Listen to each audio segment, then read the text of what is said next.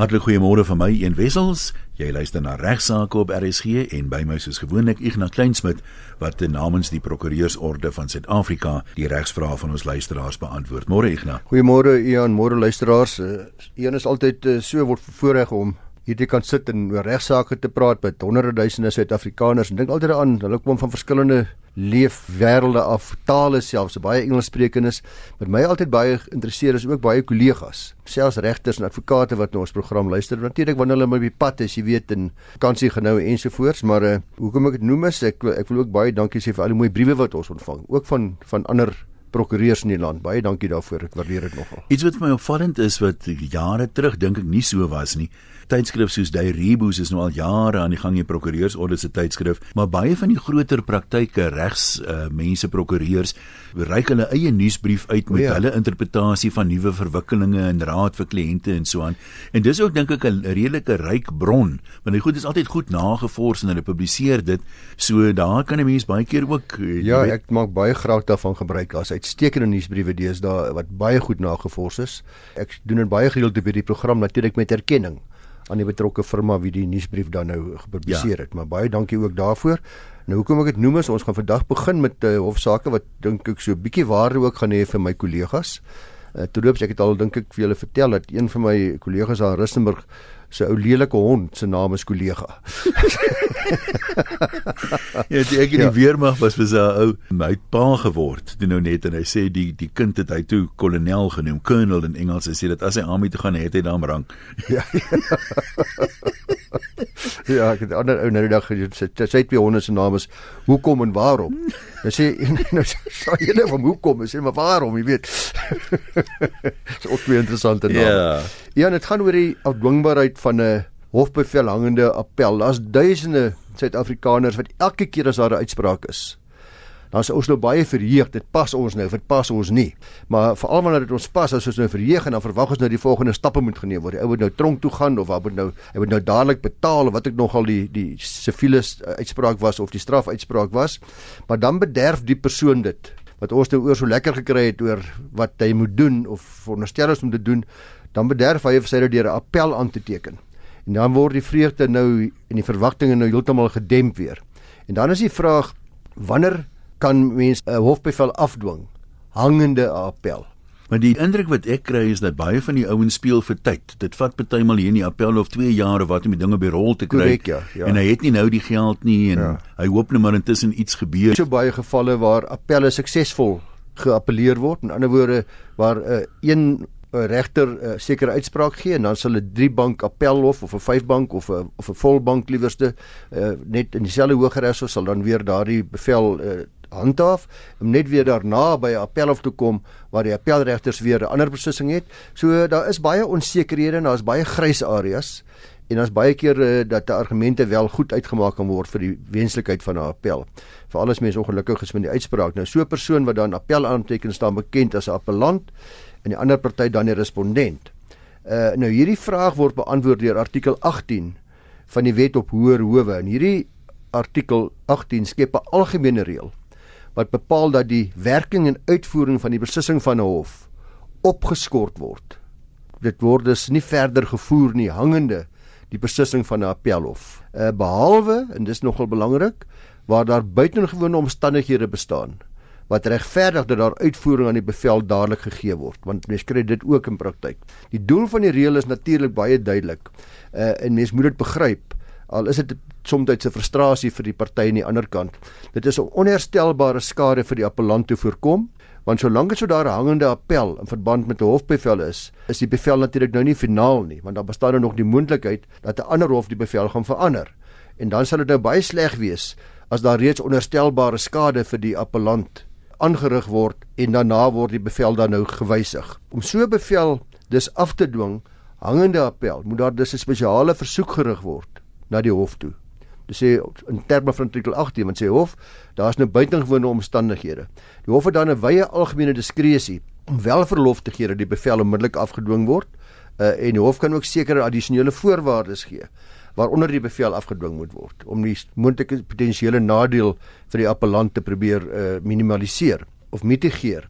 Die party wat aansoek doen so bevel af te dwing sal beoorwig van waarskynlikhede moet bewys. Eerstens dat daar uitsonderlike omstandighede bestaan wat die afwyking van die algemene reël dan regverdig en tweedens dat hy of sy onherstelbare skade sal ly indien die hof nie die bevel afdwingbaar verklaar nie en dat die ander party nie onherstelbare skade sal ly dien die bevel wel afgedwing word. Dis 'n opweging van die nadeel wat wat die appellant en die respondent sal hê in hierdie geval. Maar kom ons sê nou die bevel word wel afgedwing en op appel word die uitspraak dan nou omgedraai, dan moet daar restituisie plaasvind wat nee, nee. of wat gebeur dan? Nee, dit dis waar die howe dan probeer om om bepalinge in hierdie buitengewone omstandighede daar te sit wat wat hopelik sal veroorsaak dat daardie werklike langtermynskade is nie.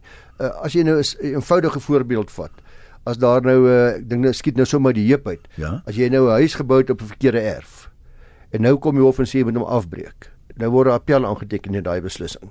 Uh, dan kan ek nou al sê die kans dat die hof hierdie aansoek as buitengewone omstandighede sal beskou is totaal omtrent 0 want die afbreek van die huis sal onherstelbare skade veroorsaak. Jy verstaan. Mm, mm. Uh maar as dit nou 'n geval is van uh die hofsaak handel met 'n uh, met iets wat jy moet net nie jy moet nie verder so optree nie. Ek verstaan ja. Uh dan gaan nie eintlik skade wees as gevolg van die feit dat jy nie verder mag optree nie. Jy moet net so 'n bietjie wag om te begin om jou huis te bou. Jy mag nie bou nie tot tot, tot die appel afhandel is nie. Jy het nou gevra jy wil 'n dubbele verdieping huis bou om aan nou se uitsig te beperk. Nou sê die hof teken appel aan. Nou sê nee, moenie begin bou nie jy weet of jy kan dit halfpad bou of jy kan 'n sekere deel bou intussen. Ja. So daar's baie van hierdie van hierdie uh, sake waar daar wel in omstandighede uh, maar omdat dit 'n hofuitspraak is, jy nie daarna is die respondent nie. Mm. Of die ou wat appel aangeteken het nie, beslis nie. Dis dis duidelik dat die hof nie ligtelike besluit sal neem om so bevel af te dwing nie. En uh, natuurlik sal ons saamstem, dit slaat nie belang van die regstelsel indien howe 'n bevel teen 'n persoon afdwing dan later wys dat blyk dit dat dit die verkeerde bevel was nie. Dit sal ook uh, vertroue in die in die reg in die algemeen skend, glo ek. So dat dis waarom dit baie selde gebeur, maar dit gebeur tog. Een van die, die klippies in die skoen dink ek met baie van hierdie goed is die tydsduur wat dit vat om die appelle af te handel. Is dit nou maar net oorvol hofrolle of is daar prakties iets wat die mense aan kan doen, meer regters aanstel, meer howe in weet hoër howe open Ja, want dit ek dink die gemiddelde lid van die publiek sê ag jy weet, dis nou 2, 3 jaar voor ons nou verder gaan met die ding. Ek dink regters werk regtig baie hard, uh, 90 of 99% van hulle, maar daar's geen twyfel oor. Dit sal jy ook sien in die by die onderhoude wat die regterlike dienskommissie voer met potensiële regters. Mense wat al reeds waargeneem het as regters. Dan sal een van die vrae wees, meneer, maar jy wil nou permanente regter word, maar toe jy waargeneem het, het jy maande gevat om uitsprake te lewer. So hulle kyk na daai tipe goed. Hulle kyk na, hulle kyk jou geskiedenis ook. Want die ideaal is natuurlik en ek moet sê ek soos jy weet dit ook nou al waargeneem as regter. Ek kan nie begryp dat 'n regter vandag 'n saak klaar maak en dan oor 'n jaar of 2 eers sy uitspraak gee nie. Afgesien daarvan dat jou notas, het jy notas het, is jou geheue verroes. Ja. Uh so ek dink dis dikwels oorwerk. Ek dink dit is dikwels ook dat die hofrolle hier uh, dit dit vir jou onmoontlik maak om 'n onmiddellike uitspraak te gee en dan is dit baie keer 'n geval van nou word die leer maar aan een kant gesit. Jy weet die regters is maar net mense en dan word dit later eh, soos die spreekwoordelike mental mental afstel amper ja. 'n mental blok wat jy later ontwikkel. Wat is die mooi Afrikaans daarvoor, maar jy weet waarvan ek praat. En dit is jammer dat dit so is, want dit is 'n groot frustrasie vir litigante. Ons as prokureurs in hierdie program word namens die prokureursorde aangebied kan saamstem dat ons frustrasies namens ons kliënte is ongelooflik groot soms. Want jy kan nie vir jou kliënt verduidelik hoekom hierdie uitspraak nie kom nie. En dan skryf jy die een brief na die ander net om uh, boodskap te kry ek is besig of dit kom en so uh, en dan moet dit later maar 'n geval word dat jy kan kla by die regtelike dienskommissie. Hoeveel tande daar regters is, is het die publiek baie hulle bedenkinge oor. Ons het sien wat met sekere regters se sake gebeur wat net nie afgehandel word nie. Maar uiteindelik is dit 'n geval van mense daar is 'n plek waar jy kan gaan kla eerstens by die regter-president van daardie hof waar die setel is waar die waar die regter sit en die regter-president sal dikwels dan ook stappe neem om die probleem te probeer oplos deur druk te plaas op die persoon wat uh, in daardie afdeling eh, 'n uh, regter is. Mens hoor soms dat die regter uitspraak lewer, maar net kortliks en dan sê hy sal later volledige redes vir die uitspraak ja, gee, ja, ja. maar net dat ons dat hy dis die wenner en dis die bevel. En dis wat publiek wil hê. Ek wil dadelik weet het ek gewen of verloor. Ja. Die uitspraak daarna, die geskriftelike redes daarna is ook belangrik by die met die oog op 'n moontlike appel. Uh maar uh, ek dink die daardie soort regter doen wat my betref sy werk behoorlik. Hy ontsnap nie van 'n behoorlike uitspraak nie. Ja, ja. Hy gee net dadelik regsekerheid vir die publiek. Ja, en dan is daar ook uh, wat die howe betref kan ons sê en ek gebruik iemand anders se woorde dat ons howe en die media is vasgevang in 'n wederwysige en op tye effens ongemaklike omhelsing. nou dis die woorde dis die woorde van regter Ponen. Ja. Ponen van die Hoogste Hof van Appel ter aanvang van sy onlangse uitspraak hier in 2017 in die saak van Henry van Breda teen Media 24 is 2017 en hakkies 2 SACR 491 in die in die appelhof. Nou uh, die appellant in daardie gevalle terloops is baie interessant hoe baie mense sê uh, die woord appellant of appel of ap ja. appelland of appelland uh, is nog hulle is as dis ook kontensieus hoe mense dit regtig korrek moet uitspreek. Ek ken hom maar as appelland. Appelland is so ek ook dit verstaan. As die regte uitspraak dat uh, meneer Henry van Berda was aangekla soos baie van ons wat luister weet, is nog steeds nie afgehandel nie van die moord op drie van sy familielede En hierdie en hierdie saak het baie wydverspreide media aandag gelok. Dis die sogenaamde Zalze saak word dit na verwys. Media 24 het vervolgens die Wes-Kaapse Hogeregshof met 'n dringende aansoek genader om televisiekameras in die hof te installeer om die verhoor soos die van Oscar Pretorius destyds op te neem. Nou die aansoek is toe toegestaan en het die Hogeregshof in sy bevel die spesifieke terme en voorwaardes van hierdie vergunning aan Media 24 om televisiekameras in die hof te installeer, het hulle die voorwaardes gestipuleer die en al die termes. Dis vervolgens in hierdie uitspraak wat meneer van Breda toe nou geappeleer het. Nou in die bepaling van die meriete moes die appelhof oorweging skenk aan 'n aantal grondwetlike begrippe. En die eerste belangrike een wat ons almal nou al wat hierdie program luister goed ken, is die reg op vryheid van uitdrukking. En dis verskans in artikel 16 van die grondwet In hierdie opsig die appel of die belang van die media in ons samelewing nou al oor en oor beklemtoon. Al hoe meer en meer is dit of hierdie reg om te weet wat ons howe aangaan al hoe sterker en sterker word wanneer ons kyk na die reg op vryheid van uitdrukking en om te weet wat in ons howe gebeur. En ook in hierdie saak, die appel het weer eens beklemtoon en verklaar dat die media die sleutelspeler en fasiliteerder van hierdie reg is gegee Suid-Afrika se hoë vlakke van ongeletterdheid en dis 'n belangrike ding wat die punt wat die hof gemaak het, is ons samelewing grootendeels afhanklik van die radio en televisie vir ons nuus. Aan die ander kant ons is nie almal op die internet gedurig besig om te swerf op al die netwerke om te sien wat elke dag in ons land gebeur nie. Meeste van ons is afhanklik van die radio en die televisie vir wat uh, om ons ingelig te hou. Daar's verder ook bevind dat tweedehandse nuus wat nou eers deur joernaliste verwerk is en dan deur hulle opinies beïnvloed is, ook vatbaar is vir dwaaling. En dit sien ons as prokureurs baie baie gereeld. Jy kan maar ook kyk na dieselfde berig in verskillende koerante. Dit was jy meer simpatiek na die ja, ja, ja. veral as dit 'n politieke inslag het, na die een kant toe as na die ander kant toe. Of 'n emosionele inslag ja. het, ja. En jy sien dit ek ek was al in hoeveel hofsaake betrokke waar ek daarna die persberig te sien. Ek kan nie glo ons het in dieselfde hof gesit nie. en luister nie. Ja. Uh dis jammer. So die hof maak ook hiervan gewag dat ons moenie daar's baie keer dwaaling by hoe die interpretasie van mense uit hulle eie subjektiewe benadering en politieke standpunt soos jy reg sê en hulle opinies nie. Verder het die hof verklaar dat vrye spraak en die beginsel van oop geregtigheid wat die hof noem, open justice, ek het dit maar direk vertaal na oop geregtigheid toe, hand aan hand loop. Vryheid van spraak en hierdie beginsel van van open justice. Uh, ten einde oop geregtigheid te verseker sê die hof, word daar ook meer van die howe verwag as bloot net om hulle deure oop te hou. Oop geregtigheid beteken nie die hof moet oop wees vir ons nie. Die die appelhof sê dit gaan baie verder. Dit gaan ook die hof moet betekenisvol toeganklik wees. Nie net vir die mense wat hier 'n blok van die hof af bly en nou kan gaan luister in die Pretoria Hooggeregshof in Johannesburg of Gauteng of waar ook al nie. Die hof moet betekenis toeganklik wees vir die land se burgers. Nou die hof het aan die ander kant natuurlik ook die ander kant van die munt was oorweging geskenk aan die belange van uh ongerepte uh ongetoetste getuienis in strafsaake.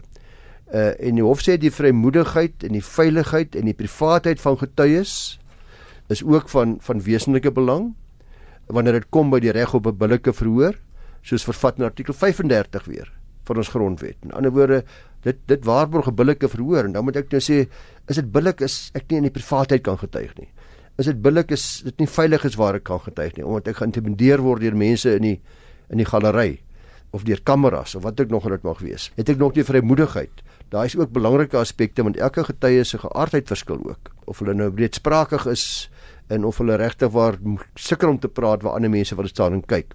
Uh, dit was egter uiteindelik die mening van die hof dat daar 'n verskeidenheid antwoord is om enige bekommernisse rakende getuienis doeltreffendheid aan te spreek. So dit kan sê jy kan mens temper, jy kan dit aanspreek, jy kan dit oplos op 'n manier. Hierdie oplossing sluit onder andere in dat ons strafhowe adversatief van aard is.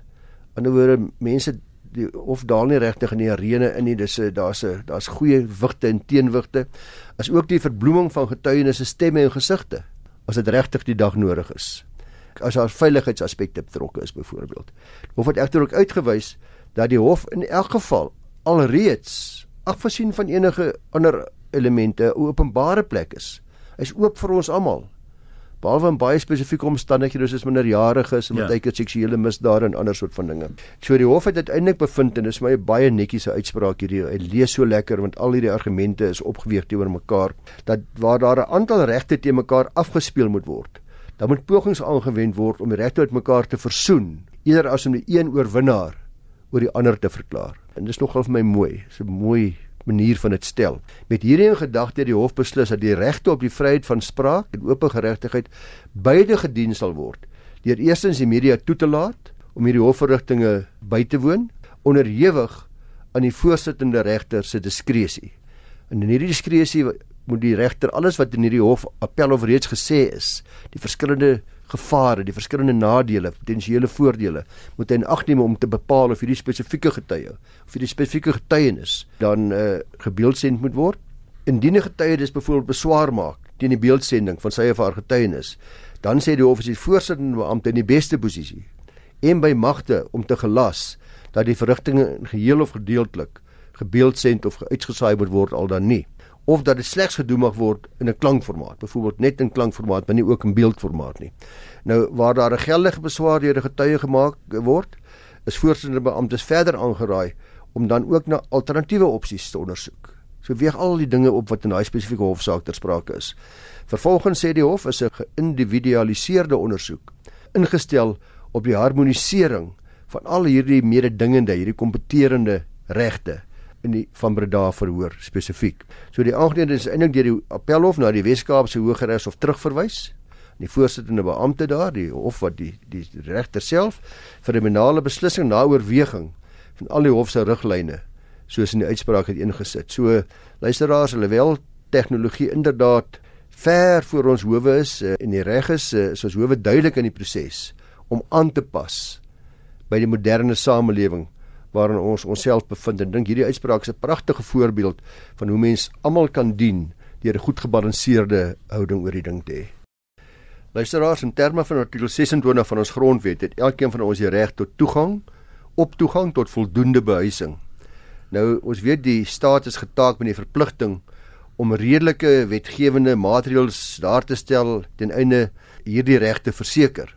Nou hierdie reg tot toegang tot behuising word toenemend deur ander wetgewing beskerm en word al hoe moeiliker vir prokureurs en uh vir grondeienaars om uitsettingsbevele teen onregmatige besetters te bekom. Uh in die saak van Baron en ander versus Claytile en ons beperk en ander is 'n in die einde van 2017 is dit bereg in die Kaap het die grondwetlike hof die geleentheid gehad om die staat se verpligtinge in terme van hierdie artikel 26 van die grondwet uh behoorlik te beskryf en te verklaar veral ook in die lig van die wet op uitbreiding van veiligheid van verblyfreg, die sogenaamde ESTA wet. Nou die appellante hier is voormalige werknemers van uh, die respondent wat toe hulle nog in diens was, is daar ook verblyf van hulle aangebied. So hulle het gewoon waar hulle gewerk het en alhoewel die appellante se reg om die perseel te bewoon tesame met hulle kontrak beëindig het. Hulle was kontrakswerkers. Het hulle toe natuurlik ondanks versoeke en ondanks aanmaninge het hulle geweier om die behuising te verlaat en nog vir 'n tydperk van 3 jaar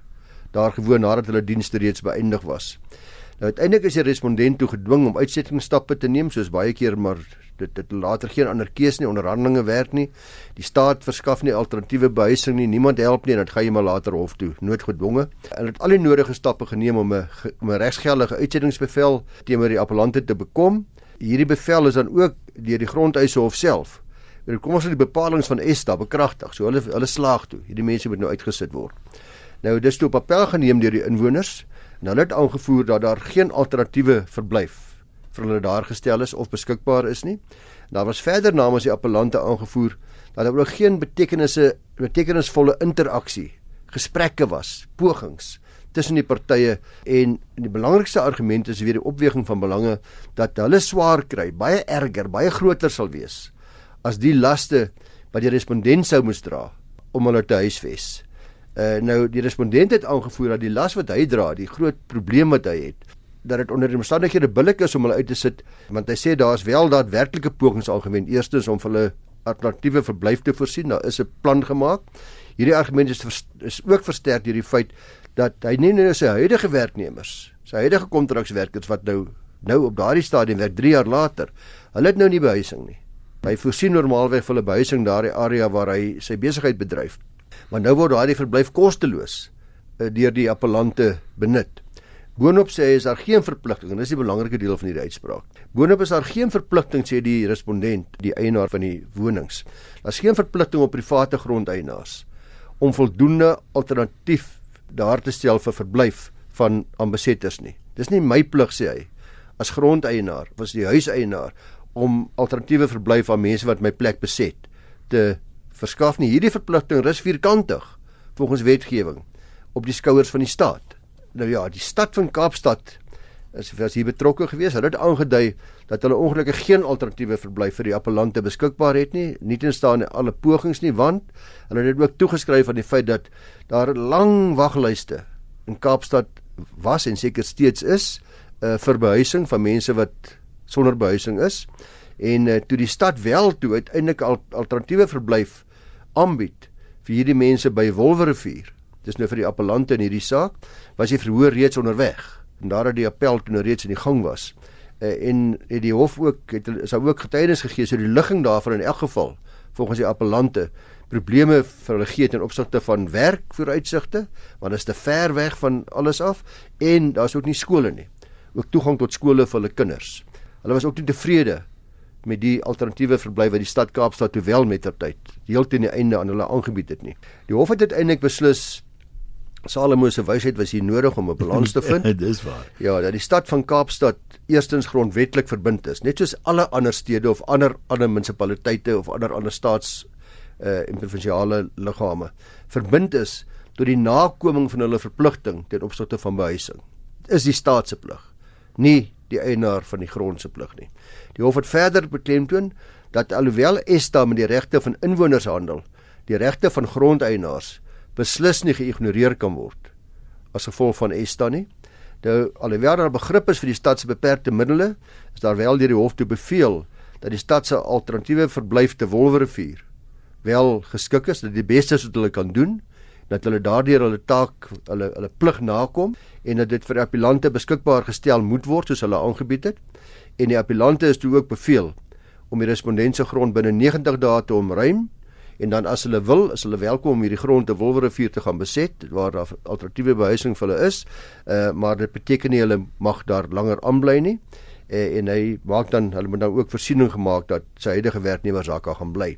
So die inhoud van die reg tot geskikte behuising en die staat se verpligting tot die progressiewe realisering daarvan sal altyd luisteraars in Eon om, baie omstrede begrippe wees. As elke saak van hierdie het geweldig baie emosie. Uh hierdie hof het dit egter baie duidelik gemaak dat hierdie grondwetlike reg tot behuising nie ongekwalifiseerd is nie en dat dit afhanklik is ook van die staat se beskikbare middel in hierdie geval plaaslike owerheid. Ja, dis een van die goed wat die die vraag sê die aanbod omtrent altyd oorskry, né? Korrek, ja, nou en dis so moeilik want soos wat dit onredelik is van private grondeienaars om van hulle te verwag om 'n uh, besetters kosloos te huisves. Almal kan maar my plekke kom bly gratis wat maak dit nou saak? Dis natuurlik onredelik om dit te verwag van van my en van jou van ons almal wat luister vandag. Is dit ook onredelik om geen perke of gehalte of van die gerief van alternatiewe verblyf soos deur die staatsgebied te plaas nie. Ja, presies, hoorie, jy kan maar daar onder in 'n onder 'n klomp uh, seilsakke gaan lê en slaap nie of jy moet gaan bly daarso, jy weet waar daar geen bes beskutting is nie uh, of onder die waterlyne of wat ek nog al dit mag wees nie. So in hierdie geval het die hof gesê, goed, Wolwerivier is nou wel 'n bietjie ver. Dis wel nie die ideale plek nie, want al die omstandighede, as ons kyk na alles wat beskikbaar is die middele tot beskikking van die staat in hierdie geval die stad Kaapstad moet julle dit so aanvaar. Dis uh, alwaar vir ons gaan tyd hê vandag. Baie dankie. Volgende maandag is ons terug met nog regsaake.